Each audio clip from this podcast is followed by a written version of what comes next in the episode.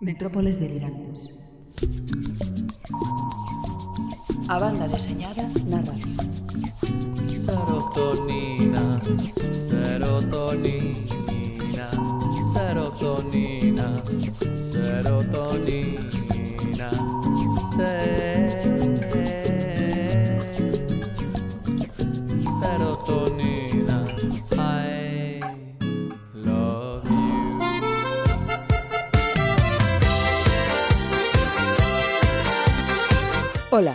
Son Nieve Rodríguez. Aquí comeza a 34ª emisión das Metrópoles delirantes. Quando eu nasci a miña mãe não tinha leite Fui criado como um bezerro enjeitado Mamei em vacas, em tudo que tinha peito Cresci assim desse jeito, fiquei mal habituado Comezamos coas novas da BD, parolando con noso tertuliano particular o que sacamos do caixo cada 15 días, o señor B nos peitos da cabritinha, eu gosto de mamar nos peitos da cabritinha. Eu... Efective Wonder Comics é unha obra que agromou na nosa bebé grazas á mente de Dani Sobe e os millóns en efectivo e en negro que puxo o sindicato do cómic para editala. O señor B faina imprescindible no seu espazo de recomendacións. Eu gosto de mamar só nos peitos da cabritinha Brigada é unha BD que se fixo fenómeno mediático antes de se publicar pola exitosa campaña de crowdfunding que puxo en marcha o seu autor. Falamos con Enrique Fernández desta obra de fantasía medieval da que xa publicou dúas maravillosas entregas. Os peitinhos para eu mamar e eu gosto de mamar os peitos da cabrita. E para rematar esta emisión, volve atas metrópoles Melo, o libreiro que é coñecido mundialmente por ser un gourmet da BD especialista en pizzas. Ou era ao revés. Melo é que nos achega as novidades dende a recén inaugurada nova libraría Banda Deseñada de Vigo. Nos peitos da cabritinha, eu gosto de mamar só nos peitos da cabritinha, mamo. O noso técnico, Harry Stamper, xa ten o aparello aquelado. Partimos xa.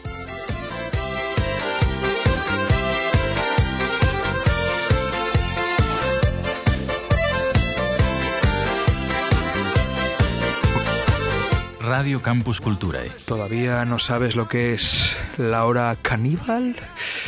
Pues ya estás tardando. La hora caníbal puede escucharse en BFM, bfmradio.com, un programa excelso presentado por el inefable Borja Crespo, que soy yo. bfmradio.com. Ya estás tardando. Chiamos en arroba metrópoles de. Como cada 15 días damos a benvida ao señor B e deixámolo sair do seu caixo para que nos eh, fale das novas do que aconteceu durante estes 15 días. Ola, señor B. Ola. Ola, que tal nese caixo, que tal nas súas profundidades? Hai perturbacións na forza, pasan cousas como pasa aquí arriba? Pasan cousas. No meu pequeno Soviet estamos de festa. Hai bombas tamén. Sí, estamos Digo, bombas de foguetes, eh? non bombas de outras cousas. A ver se vai pensar a xente que aquí estamos na bombas desde de foguete das festas. De palenque. Eso, bombas de palenque, que non me saía. Eh, no. a vos todo ruido como que non, non? No, ruido pouco, pero estou desfrutando da, do aire fresco. Eh, chegou o brau, hai que desfrutar da, do mar. Bueno, logo falaremos de perturbacións na forza, que houve un así que, buh, fixo tambalear os alicerces do mundo da BD. Perturbación na BD. sí, señor. Pero antes de nada temos que decellos nosos ouvintes que esta vai ser a nosa derradeira emisión dende de Metrópoles de Liranas. Bueno, a derradeira desta tempada. Desta tempada, vol voltamos en setembro. Voltamos en setembro porque tamén nos merecemos ir á praia a mollar os pés. Sí, é porque eu merezo unhas vacacións. Fora do caixo. Fora do caixo, sí. Vou ir de vacacións a algún país civilizado. Bueno, pois xa nos contará a volta onde estivo vostede disfrutando desas vacacións. E agora si sí, falamos desa perturbación da forza, que pasa no mundo de Tintín? Que pasa con Hergé, cos seus dereitos e con Mulinsar? Pasa que Mulinsar, que é a empresa que xestiona os dereitos da obra de Hergé, que é unha empresa que é propiedade da viúva de, de Hergé, de Pani Blamnik, e de Rick Rodwell, que é o seu actual marido, eh, vende perder un xuizo en Holanda na cidade da Haya, non no tribunal da Haya, que non ten non son a mesma cousa. Pois ven de perder un, un suizo cunha asociación de tintinófilos holandesa a que denunciaron e a que lle pedían, eh, se non lembro mal, un millón de euros por reproducir unhas viñetas de Erlle nunha revista, entre, entre revistas con, cunha tirase de menos de mil exemplares e os suíces pois deronlle a razón a esta asociación porque apareceu un documento de 1942 que mm, non era público, si que, si que parece ser que Moulinsart e Casterman, a editora de Tintín, si que o coñecían, eh, e en, nese documento Hergé cede os dereitos da reproducción dos textos e das viñetas do seu personaxe a editorial Casterman. Oh, e iso que vai significar para Molinsar, para... Eso significa, de momento, que un suiz de, de Holanda eh, entende que non teñen dereito a denunciar a ninguén. Tamén hai que decir que o documento que apareceu no suizo non é original, senón que é unha copia mecanografada, na que non están nin a asinatura de Ergen, nin a asinatura do director da editorial, pero bueno, basándose neste documento, pois o suiz eh, fallou que os heredeiros de Tintín, Mulinsart, non ten os dereitos e non pode denunciar a, a, a ninguén. ninguén. Polo de pronto xa levaron unha bofetadiña E eso xa, xa é bastante esa lavazada que levaron e que celebraron os tintinófilos porque Mulinsar sí que é coñecida no mundo da BD polos, non, non vou decir abusos, pero sí excesivo celo. A verdade é que perseguir asociacións de tintinófilos É verdade que en Francia non existe o dereito de cita, cousa que si sí existe en Holanda ou si sí existe en España.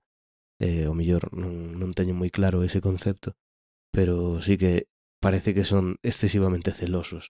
E disto podería falar seguramente Pedro Rey, que tuvo algún intercambio dialéctico con eles sí, por, sí. Algunda, por algunha das exposicións que organizou.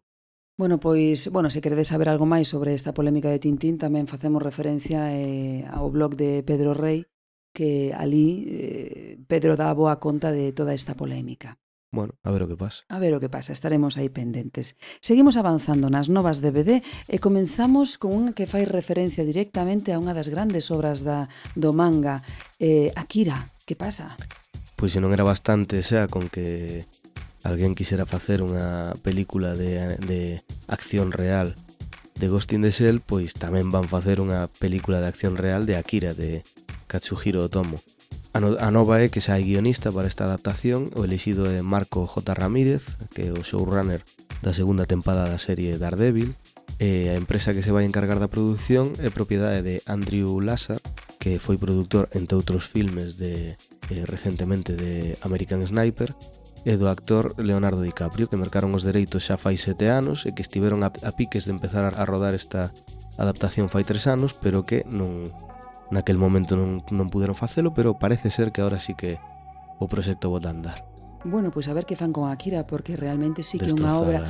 Non sabemos, home, hai que darlles un voto de confianza, o que sí é certo é eh, que é unha obra moi complexa, o meu ver, para levala ao cine para que non perda o seu espírito e condensala, bueno, pois nunha hora e media de película ou dous horas o sumo, non?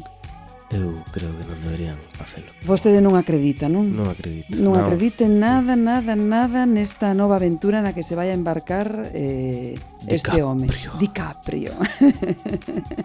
bueno, tamén temos que decir, xa que estamos inmersos en pleno brao e que imos ter máis tempo para ler se cabe, que a Asociación de Críticos e Divulgadores da BD publicou xa a súa lista de imprescindibles, non? Sí, a Asociación de Críticos e Divulgadores da BD Española vende publicar a, a segunda parte da súa lista de imprescindibles imprescindibles do ano pasado. En esta lista vamos a topar a David Rubín co Aurora West ou a Emma Ríos co Pretty Deadly, eh, ademais de bueno, Paco Roca, Álvaro Ortiz, Altarriba, etc, etc, etc. Bueno, tendo en conta, señor B, aquí vou a, vou a tornillar un pouco, tendo en conta que estamos iniciando a piques de iniciar xa a segunda metade deste ano 2015, sen tempo non era que sacaran esa listaxe da segunda eh, metade do pasado ano. Van un pouquiño así con calma, non?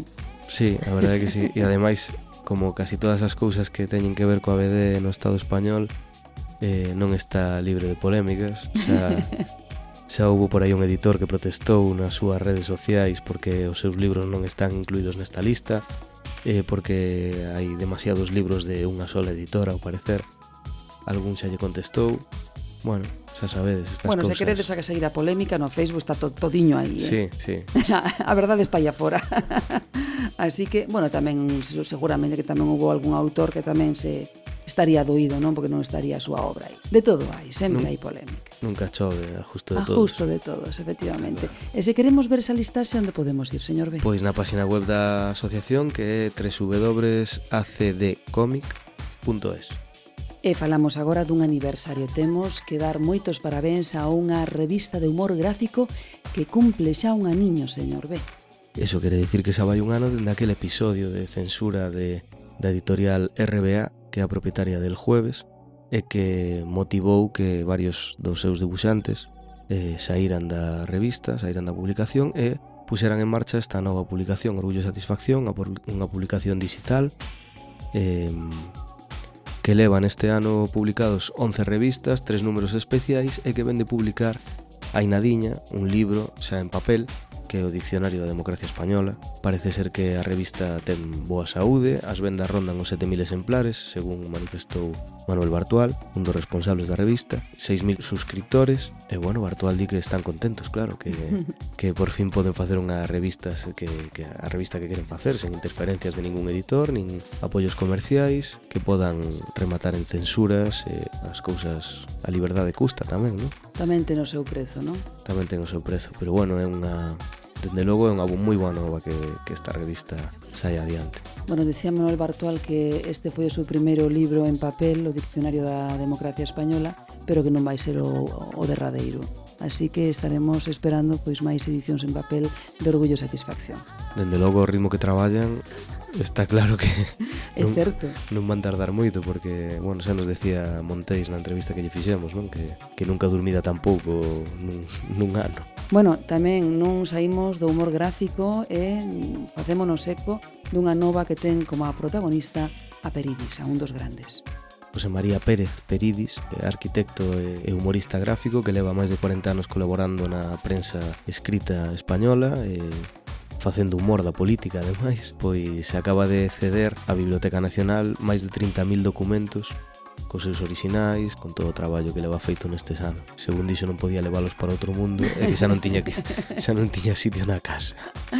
Pero bueno, unha iniciativa unha iniciativa bonita e ademais Peridis fai un chamamento aos seus compañeiros debuxantes para que imiten esta acción e poñan a súa obra nas más da Biblioteca Nacional. E rematamos falando da Fiscalía Xeral do Estado e isto se non sei se é bo ou se é malo.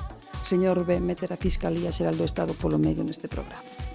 A Fiscalía Xeral do Estado ven de decidir que na inminente incorporación ao Código Penal do que se vai chamar pornografía infantil virtual, os fiscais non acusarán pola posesión, produción e difusión de pornografía infantil en cómics ou mangas. A Fiscalía Xeral eh, vende mandar unha circular aos fiscais xefes de toda España na que se dan instruccións sobre como se debe interpretar a reforma dos delitos vinculados á pornografía con menores ou incapaces. Tras examinar a reforma, a Fiscalía considera que só deben perseguirse as imaxes extremadamente realistas.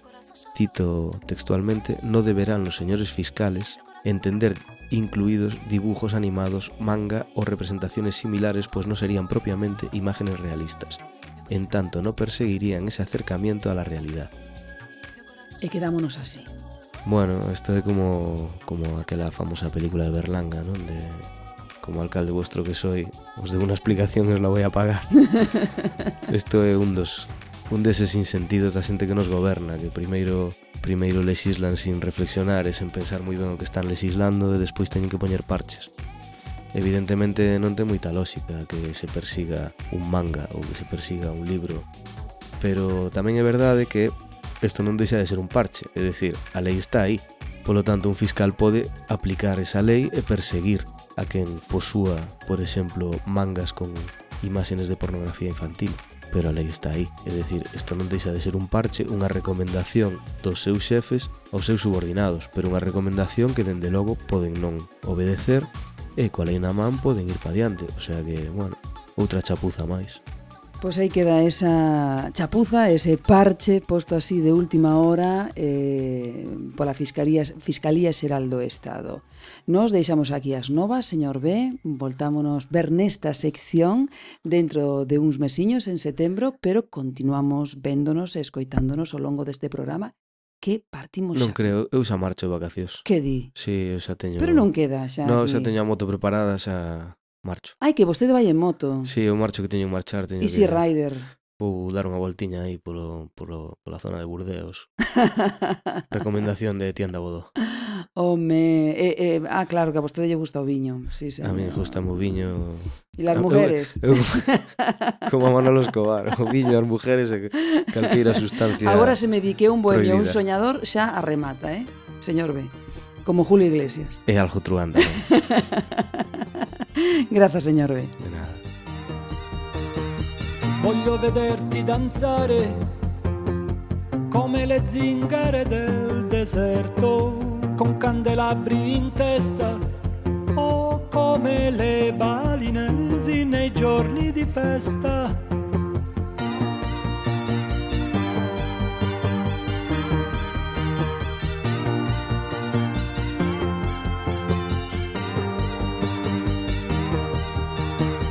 Voglio vederti danzare come i dervisci turno che girano sulle spine dorsali al suono di cavigliere del catacali.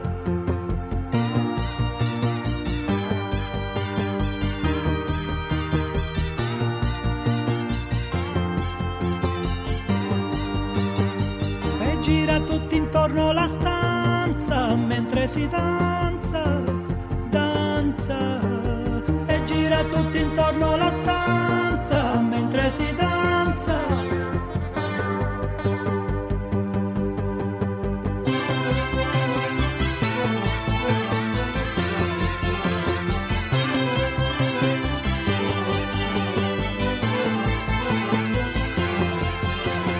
E Tirana trasmette musiche balcaniche mentre danzatori bulgari a piedi nudi sui bracieri ardenti. Nell'Irlanda del Nord, nelle balere estive, coppie di anziani che ballano al ritmo di sette ottavi.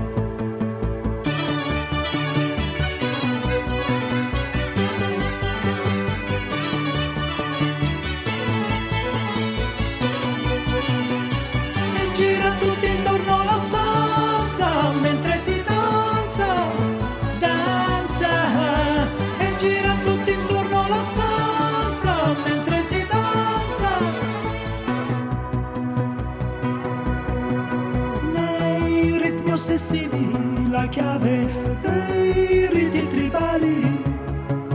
Regni di sciamani e suonatori zingari ribelli. Nella bassa padana nelle balere estive coppie di anziani che ballano vecchi valzer viennesi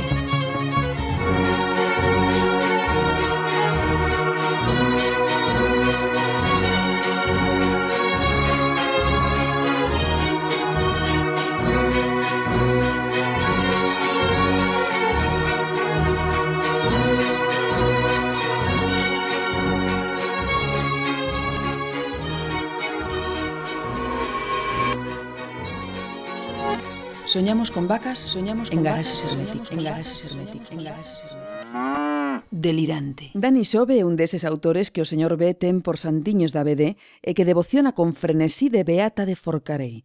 Por iso é que neste final de tempada do Metrópoles trae o seu recuncho de imprescindibles a que para el foi unha das mellores obras publicadas no 2014. Effective Wonder Comics.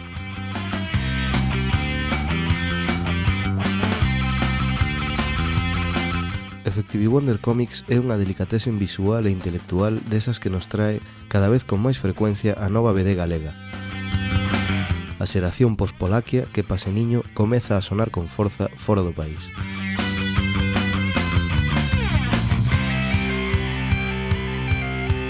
Esta primeira obra editada pola librería Ourensá Sindicato del Cómic é un dos títulos que máis nos sorprendeu nos últimos meses é un grolo de licor café augardentoso e puro, no que Dani Xove, un inquedo e versátil creador, dispara contra todo e contra todos, cun descaro e unha frescura que había tempo non se vía nos cómics da Terra. Sobre todo, agora que a novela gráfica é o formato estándar do profesionalismo.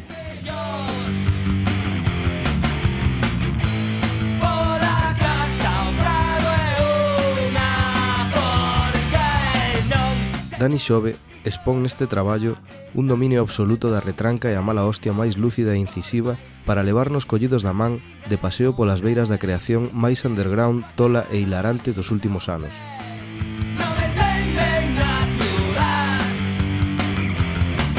Sen medo a experimentar, procurar camiños novos ou andar por corredoiras pouco transitadas cun debuxo cambiante, caricaturesco e gamberro e unhas temáticas polas que os políticamente correctos próceres do Estado carpetobetónico pedirían a entrega dos lápices. A primeira vista, este libro pode parecer un fanzine feito por autores distintos. Nada máis alonxado desta percepción.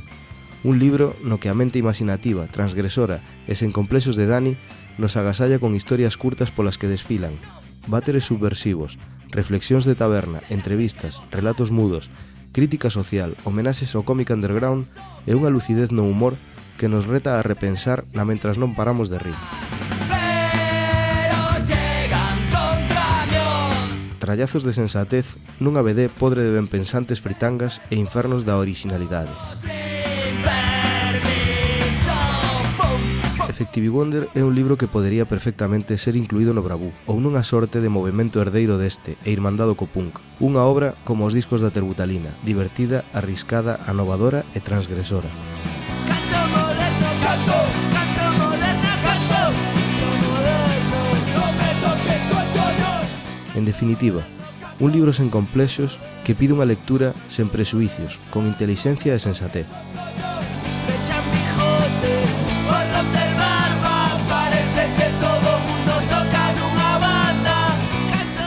No prólogo que escribe o polifacético Manel Cráneo está o mellor eloxio que se lle pode escribir. Volverás ao teu libreiro cando remates e alo saudar como se fose o teu camello, pedíndolle outra dose de Dani Xove. Echan Barba Parece que todo mundo toca nunha banda Como é, como é, como uns baby, non? como un rei.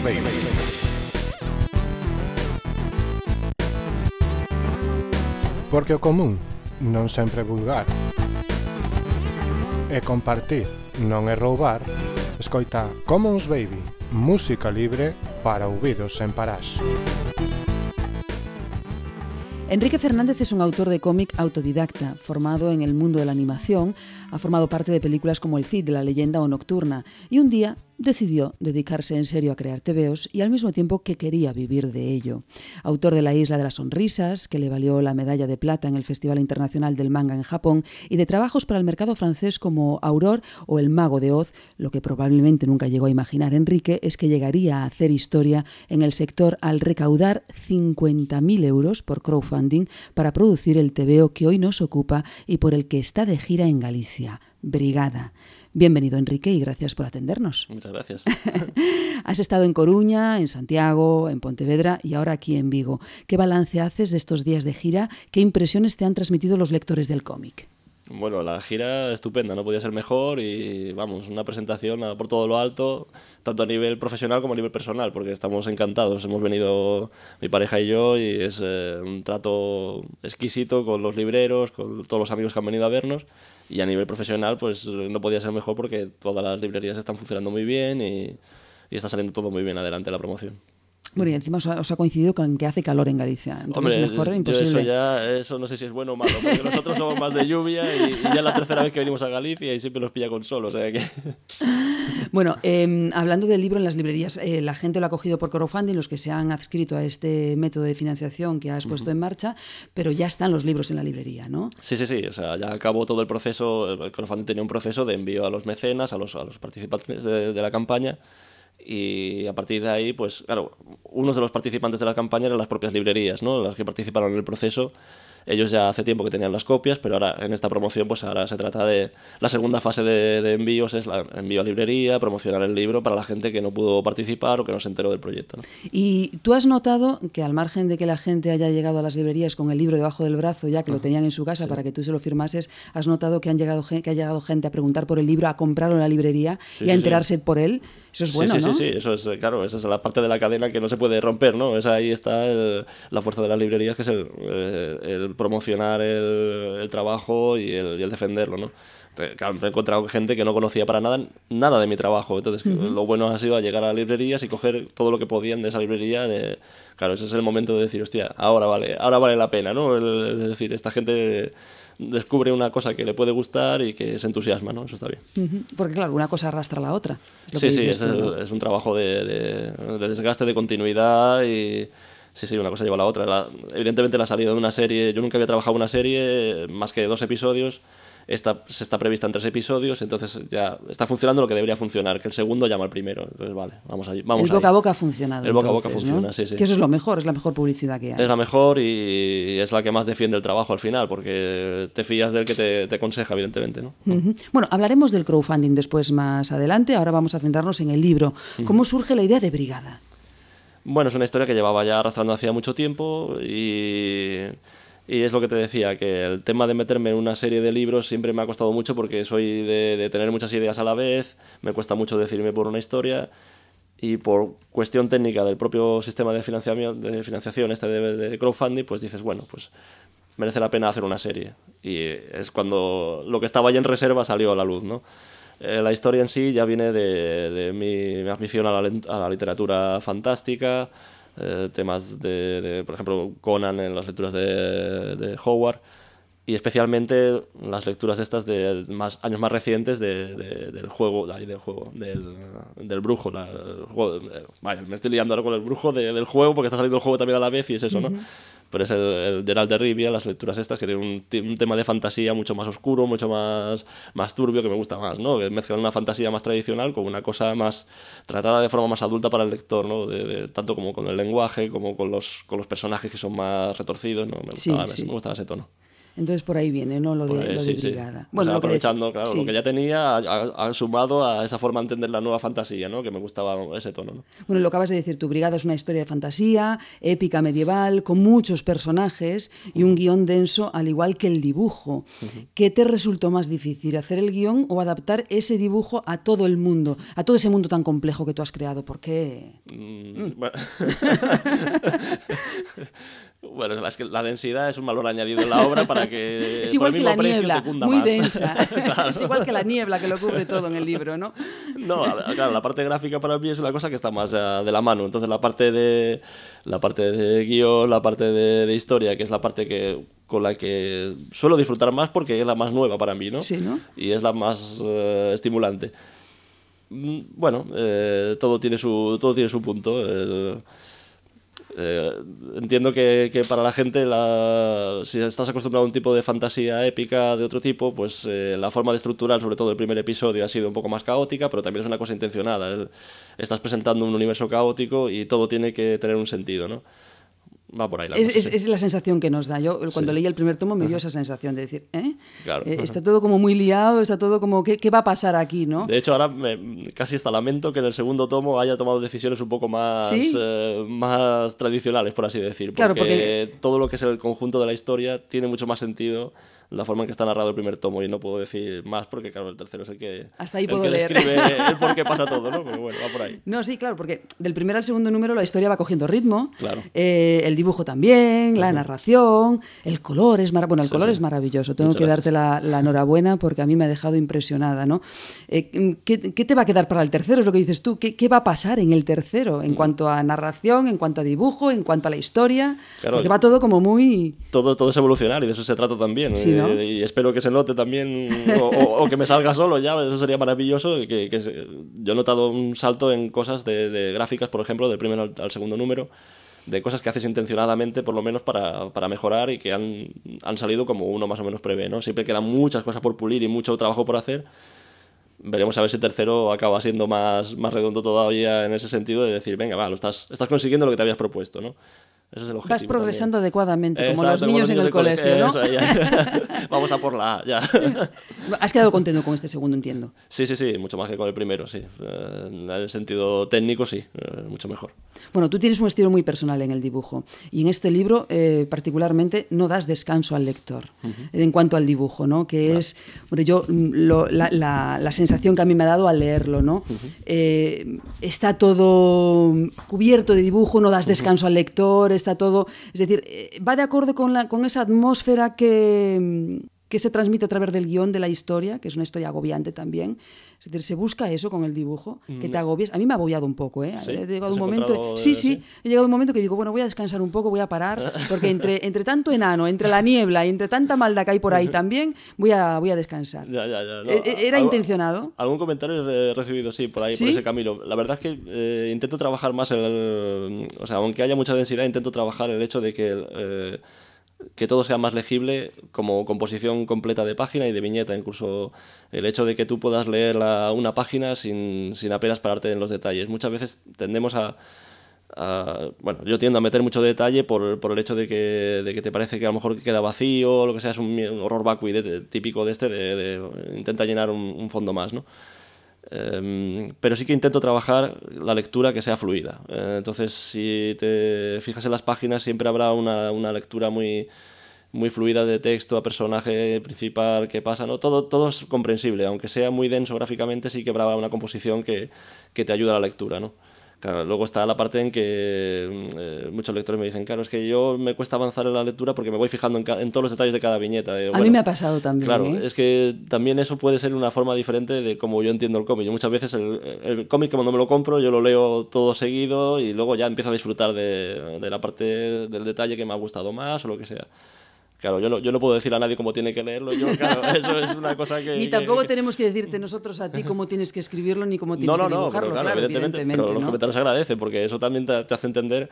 Claro, una de las cosas que también tengo que evolucionar y quiero evolucionar en el, en el apartado gráfico para el tercero, que hablábamos de eso, era la, eh, el no meter tanto detalle innecesario, porque incluso me perjudica a mí como creador para la hora de progresar en eh, a- creando las páginas, ¿no? De decir, hostia. En cuanto al veces te- ritmo, ¿no? En cuanto a... eh, bueno, ya solo hablando del ritmo de producción, de Claro. decir, hostia, tú, o sea, me hablo a mí mismo a veces de haciendo una página y digo, hostia, pero no te habías dicho a ti mismo que esto iba a ser más vacío. Eh, Claro, es- No, es que hay realmente cosas, ¿no? viñetas que son impresionantes, que tienen un detalle, que tienen... Es decir, está todo puesto ahí, no falta nada, Ya, nada, ya. nada. Ese esa frase exacta me la han dicho ya. ¿Sí? sí, sí, sí, me hace gracia porque me la- es, una, es la frase con la que me di cuenta de, de lo que me querían decir, ¿no? Dice, es que no dejas nada al azar para, No, no. para leer. Y digo, claro, es... No dejas nada a la imaginación, Sí, sí, está claro, todo ahí puesto ahí ahí, está, sí, ¿no? sí, sí. Eh, que- que por otra parte está muy bien también. ¿eh? No- Bueno, eso es cuestión de gustos, claro, al final es- efectivamente, efectivamente. Bueno, tú tienes, como decíamos, un estilo muy personal, pero no puedes escapar del manga, ¿eh? ¿no? Hay referencias. Hay ¿eh? referencias.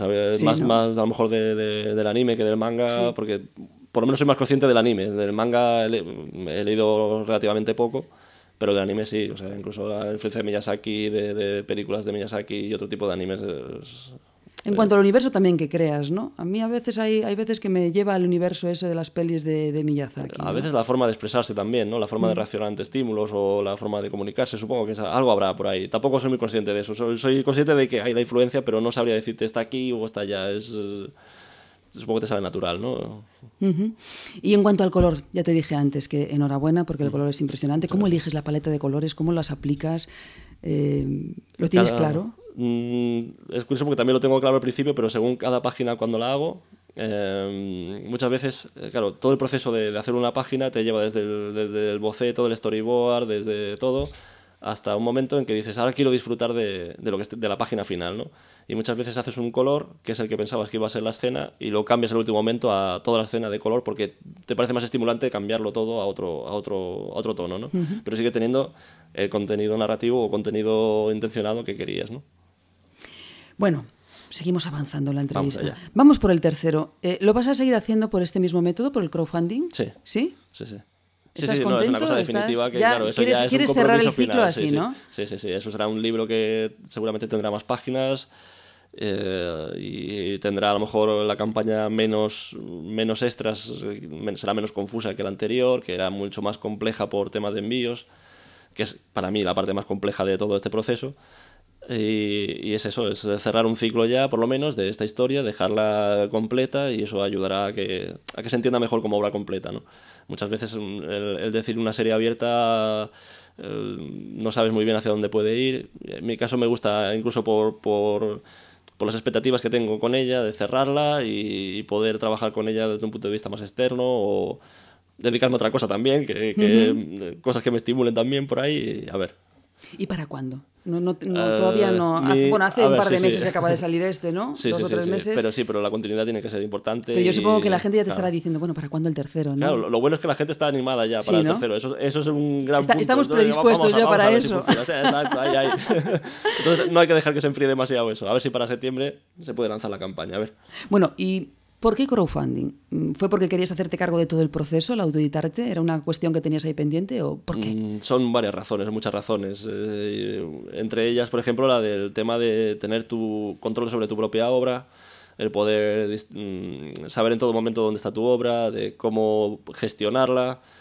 Eh, lo que he dicho muchas eh, en otras ocasiones es gente que te venía de otras editoriales a, a proponerte, eh, pues como este, como el artbook, ¿no? Un- una especie de libro extra sobre una obra eh, de bocetos, de, de storyboards o lo que sea, y que eso no podía salir adelante porque la negociación con la editorial pues a lo mejor no, no era fluida o las condiciones no eran las adecuadas. Y claro, y otras veces pues era directamente el propio libro en una editorial de otro país que te, te interesa y esa negociación no, no fluye y te quedas tú a las puertas de que tu obra crezca más. Claro, el crowdfunding lo que te permitía es sacar los productos que a ti te interesan, defenderlos, eh, mm, un contacto con, con tus, con tus lectores mucho más directo, eh, mucho más participativo y una sensación de artesanía en todo lo que estás haciendo, eh, que era brutal, claro. Eso es un- o sea, ya, ya no te estimula tanto el hacer la obra como el hacer todo el proyecto en conjunto, ¿no? Y eso es una- un valor muy bestia. Sí, señor. Bueno, tenemos que decir para todos aquellos que no sepan todavía de, de esta obra de Brigada y de lo que ha hecho Enrique con el crowdfunding, es que las cifras han sido espectaculares. En ambos casos, en la primera parte y en la segunda, solicitaste 39.000 euros ¿no? para financiar la obra. Y lo que conseguiste fue, en el primero, 50.000 y en el segundo, más de 48.000 euros. Es decir, más de un 25% de lo que Sí. tú realmente estabas pidiendo. ¿Cuál es el secreto del éxito? Yo creo que batiste el récord, ¿no? En el primero sí, en el primero fue una cosa que en Europa todavía no se había hecho ningún tipo de plataforma de este tipo. Yo creo que por lo ambicioso del propio proyecto, el hecho de publicarlo en, varias, en varios idiomas, el hecho de la cantidad de material extra y eso, el tipo de formato, no, no una cosa eh, amateur, sino el buscar un formato que fuera el estándar de mercado, ¿no? un estándar profesional de mercado, que incluso hasta, los, hasta las imprentas me, me ponían trabas a veces, ¿no? Se pensaba que quería hacer un fanzine de cuatro grapas, digo, no, no, que yo quiero este libro, se lo enseñaba, yo quiero un libro como este. Nada, claro, es muy difícil a veces, ¿no? Según Sí. qué, qué cosas. Eh, sí, también jugó mucho a mi favor que, por lo menos aquí en España, el, el tema de- del crowdfunding, sobre todo al cómic, no se conocía casi nada. Mucha gente lo conoció a través de, de esta campaña me tocó a mí hacer pedagogía de cómo funciona el crowdfunding, pero eso a la vez fue a mi favor también. O sea que hubo varias cosas que, que funcionaron muy bien. Y lo sorprendente es que las dos campañas, eh, analizando todos los sistemas que hay de crowdfunding, de, cómo funcionan las reglas de crowdfunding y todo esto, que hay mucha ciencia escrita, eh, te dicen, hombre, elige muy bien cuándo vas a hacer las campañas porque la gente o está de vacaciones o lo que sea. Yo hice las campañas, la primera en julio y agosto y la segunda en diciembre enero. O sea que ya, el para rizar el rizo eran campañas en pleno meollo de, de nadie va a estar atendiendo a lo que voy a decir, ¿no? Y bueno, afortunadamente la primera tuvo muchas ventajas precisamente por eso, porque, por ejemplo, la, en la primera, en la parte de agosto, que era la parte final de la primera campaña, eh, pude entrar a hacer publicidad en una especie de- en el mejor foro de, cómic de, de Francia gratuitamente, porque no había ninguna empre- empresa editora que pusiera banners en la página web. No, normalmente se paga por poner un Sí. banner en una página web. Eh, cuando les propuse, les pregunté por precio y dijeron, no, pues ponlo gratis porque no hay nadie que quiera ponerlo este mes. Digo, bueno, pues Caramba. perfecto, y venga, vamos allá. Y eso, una ventaja más, ¿no? Son golpes de suerte también Claro, paralelos que a todo también esto. tienes que ir también- aprovechando. Sí, sí, Claro. que no te los esperas y, hombre, también te estimula, ¿no? Efectivamente, efectivamente. Bueno, ya para acabar, ¿en qué vas a hacer algo más que no sea brigada? ¿Estás No paro de hacer algo? cosas, es que no. El problema es eso, es que no puedo decir, ojalá pueda dejar aquí brigada y venga a vivir del cuento, pero es que no hay manera, no, no. No, Aún tienes hay- brigada para rato. sí, no, brigada sí, brigada tengo para rato y aún hay otras cosas paralelas y, Bueno. y, estamos en ello. No solo de cómic, hay cosas de animación, de, de- de juegos de mesa y un montón de cosas. Sí. Entonces Es todo para vida. otra entrevista, ¿no, Enrique? Podemos estar toda la tarde. Bueno, pues entonces, mira, lo vamos a dejar Vamos a mejor dejarlo aquí, aquí, a y luego aquí. ya después, porque mm, no sé si lo sabrás, pero ya lo hemos anunciado que este va a ser nuestro último programa de la temporada, vamos a descansar en Ah, verano. también, claro, bueno. Cuando retomemos en septiembre te damos una llamadita y seguimos Perfecto. hablando de cositas. Y tanto que sí, vale, muy bien. ¿Vale? Muchísimas gracias. A gracias. vosotros, muchas gracias.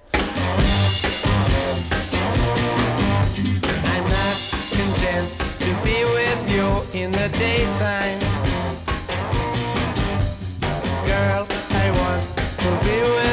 All of the time.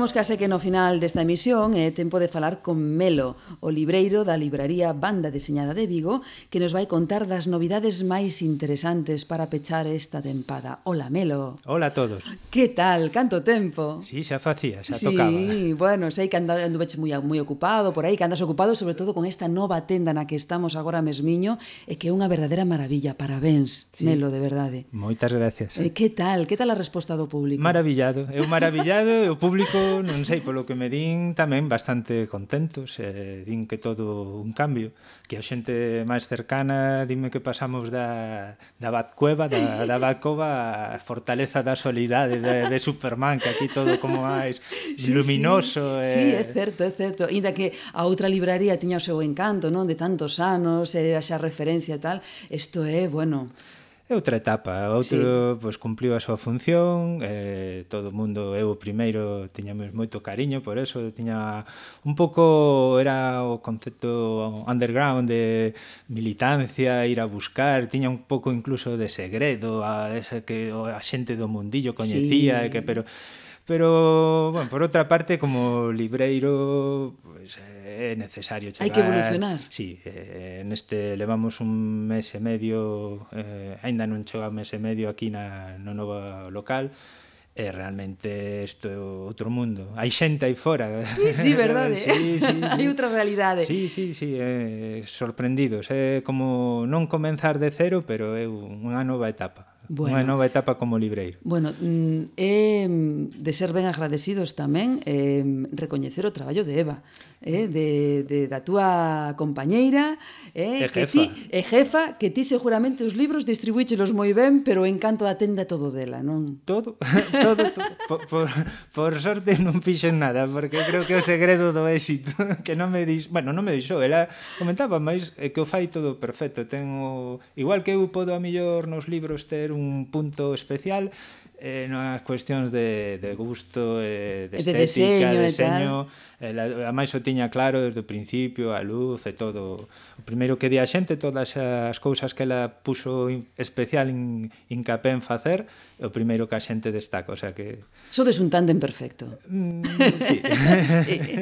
Bueno, hai que decir que Banda Deseñada está na Rúa Portela, número 3, e aquí, eh, nun sitio encantador de Vigo, na Rúa Urzaiz, un, moi pertiño da Rúa Urzaiz, peatón peatonal é un sitio encantador. O barrio non? do Calvario. Eh. Efectivamente, non puideches de verdade, eh, que é maravi maravilloso. Sí, eso eu creo que tamén incluso aquí ahora a nova xente, os novos eh, que visitantes da librería dinos o que facía falta unha librería así no Calvario, que nos decimos, levábamos dez anos, pero bueno, non nos coñecían, o sea, eles teñen a súa razón porque para eles somos novos, o sea, acabamos de chegar. Sí, sí. Eh, lles ves que están nos han recibido cas, cas, cas cos brazos abertos, eh, a xente tamén está moi contenta con esta con esta nova ubicación. Bueno, pois nos desexamos moitos moita sorte e reiteramos os nosos parabéns por esta nova etapa, por esta nova tenda recomenda. Bueno, pero que nos tes aquí para recomendar? Pois vamos a comenzar por un título da editorial Dibux, A Xolot, se chama. Axolot. Que é un proxecto dun guionista francés, se chama Patrick Beau.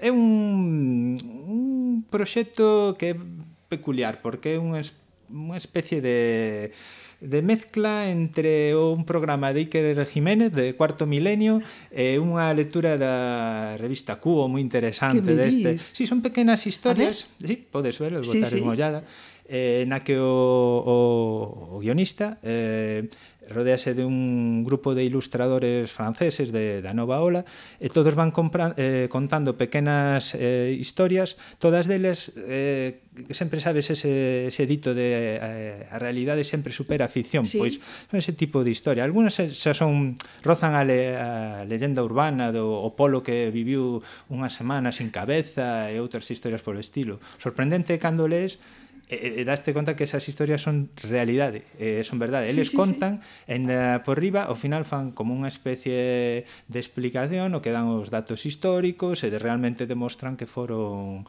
eh, que son realidade. Que foron certas. Entón ten un, un por un por unha parte ten esa virtude de didáctica, incluso curiosidade, para os amantes máis do paranormal ten tamén o seu interés, pero tamén ten un desde un punto de vista máis comiquero ten un interés eh, bastante grande porque eh, é un reflexo tamén dun grupo de artistas de, do Novo Cuño, eh, cada un co seu estilo, moi diferentes entre eles, pero que, sin embargo, saben dotar ao todo cómic de un, dunha unidade, unidade sí. sí eh, que les, ainda que sexan historias diferentes, ao final acabas lendo toda un, unha historia, porque, ao fin e ao cabo, o guionista é o mesmo, e se, se sí, sí. reconducir.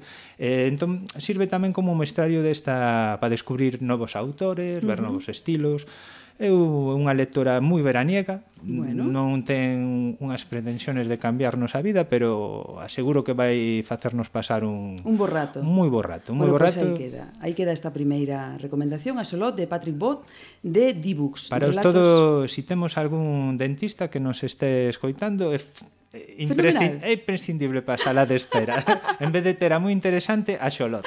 bueno, pois dende aquí recomendamos os dentistas. Veña, eh, seguimos con Mm, pois vamos a... Ahora que chega o verán, as vacacións, os nenos sin nada que facer Vamos a facer un pouco de atención aos máis pois pequenos. Pois sí, que nunca, que parece que nos esquecemos sí, sempre verdad, deles, eh, Sempre estamos dicindo que son o, o grupo que hai que, que volver a traer, sí, que estamos sí. perdendo a xuventude. Pois, que hai que formalos de cara ao cómic. Pois que o primeiro que... vai ser dar a coñecer o que pois hai sí. para eles. Pois sempre me preguntan, e eh, para os máis eh, cativos, pois vou falar de unhas novidades que acaban de salir da editorial Ban, que ten unha liña para os máis cativos, que se chama Mamut, nos que teñen eh, cómics desde os máis máis máis pequenos, dous, tres, aínda cando non saben ni ler, que lles eh, unha, un híbrido entre o libro ilustrado de toda a vida e o cómic, no que sin texto, eh, o que si lles ensinan é pois xa o feito de aprender a ler un cómic, a narración, o sea, sí, sí, as viñetas, narración, non as secuencias, sí. sí. Eh,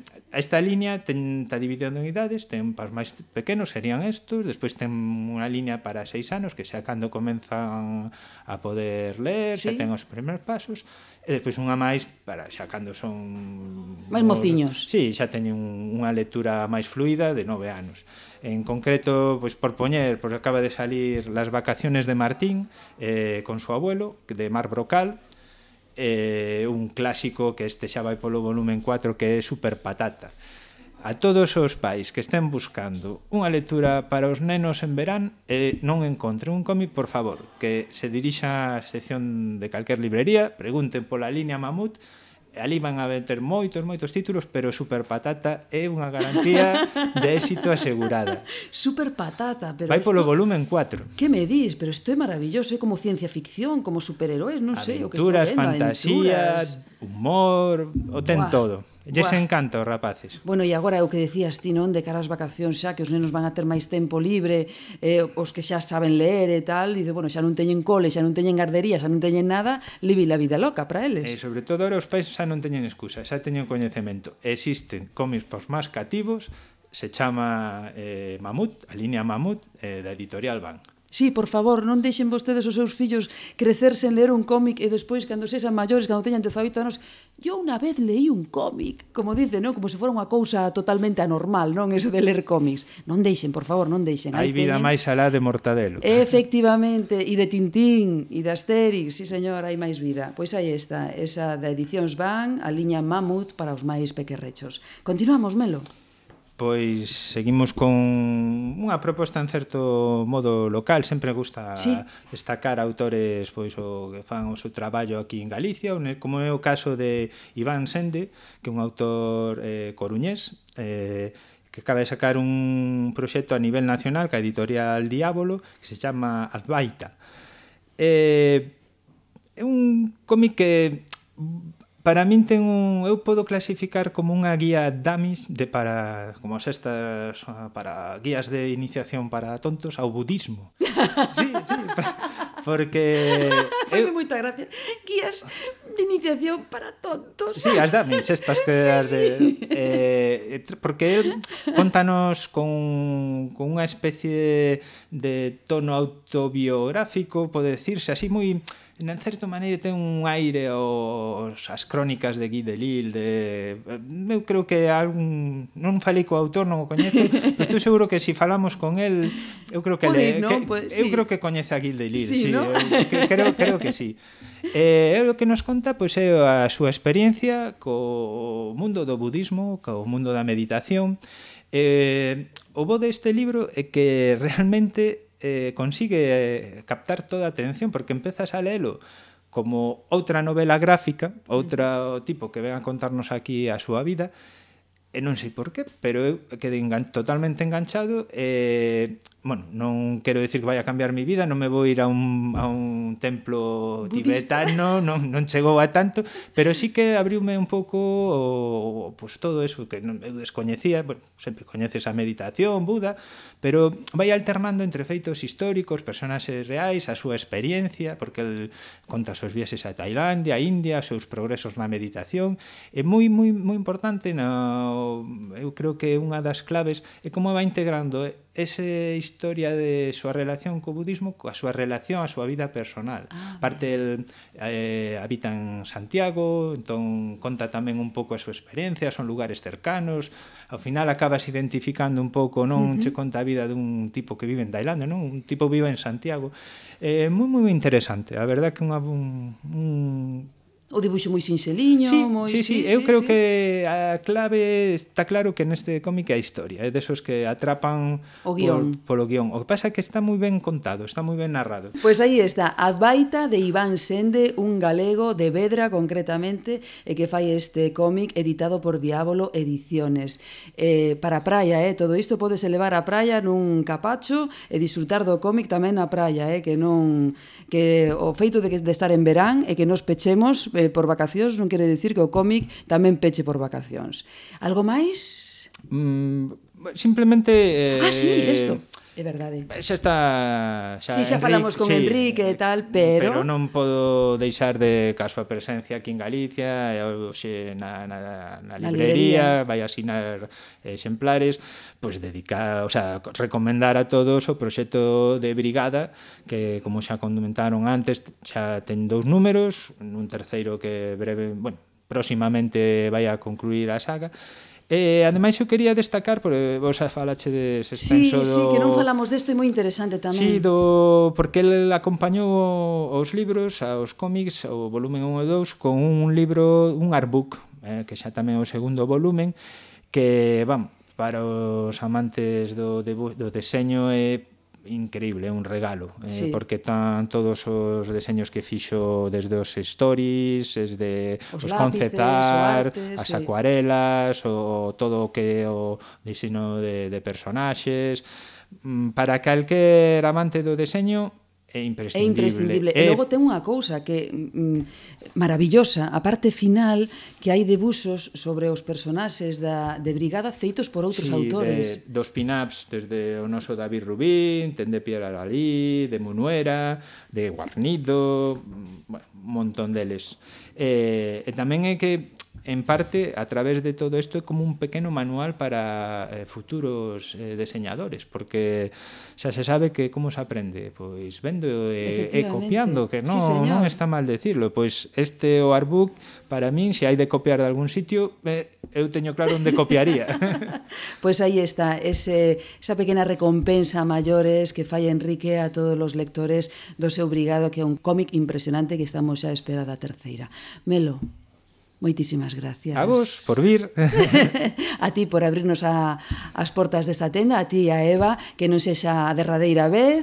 Agora paramos por vacacións, marchamos, e, e vos que teñades un feliz brao. Boas vacacións a todos. Ti vas coller vacacións? Non, son non? un libreiro. Mm, bueno, disfrutaremos por vos. Hai que levantar un país. Disfrutaremos por vos. Gracias. Me echaron droga. Delirante. En el colacao. Nesta derradeira emisión da tempada falamos co señor B do tema de moda na BD europea, o suizo que perdeu Mulinsar e o quilombo dos dereitos da obra de Hergé. O señor B saldou unha débeda consigo mesmo inscribindo o Effective Wonder de Dani Sobe na lista dos imprescindibles, un cómic que é unha descarga de humor irreverente e incorrección política tan necesaria nestes tempos de desprezo á intelixencia colectiva que nos tocan vivir. Con Enrique Fernández falamos de Brigada, unha obra autoeditada e coa que demostra que hai outros camiños que non son os sinalados polas grandes editoras e que as obras de calidade normalmente atopan o seu público. Melo volveu ao programa para traernos as novidades editoriais e nós gozamos moito de volver a telo na tripulación. Seguídenos no Twitter, en arroba metrópolesd, contádenos cousas, opinade, recomendade e falade con nos. Tamén andaremos no enderezo metrópolesdelirantes.com. El Embrade. Lede banda deseñada e armadevos de paciencia para resistir a chourizos, marquesas e bellos guardiáns da Reserva Espiritual de Occidente. Metrópoles Delirantes. A banda deseñada na radio.